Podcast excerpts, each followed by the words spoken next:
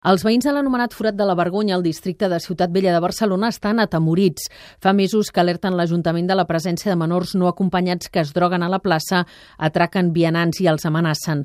Prefereixen no dir el seu nom perquè no els identifiquin. No puedo acceder a mi propia puerta de casa. Gritan cosas. Eh, el sábado mismo llena de gente, yo vi que estaban rodeando una pareja de turistas americanos y les grité a los turistas que se guardaran el móvil.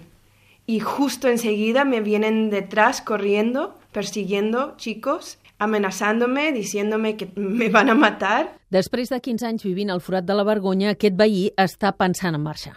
Cap espai de Barcelona pot aguantar 30, 40 nens eh, eh, enganxats a la cola eh, que no saben ni el que fan, i desgraciadament eh, amb aquest estat doncs, evidentment roben, acosen els veïns, acosen els turistes, entren a finques...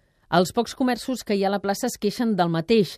Ell porta una fruiteria on cada cop entra menys gent, sobretot quan es fa fosc. Pel comerciant no és bo perquè la gent té por, és normal. Nosaltres hem baixat, jo crec que hem baixat ventes, a veure, la cosa no està molt, molt bé, però per, el, per les tardes, dissabte a la tarda i, i tardes en general, venien, venien una mica més la gent entén que no vingui, té por.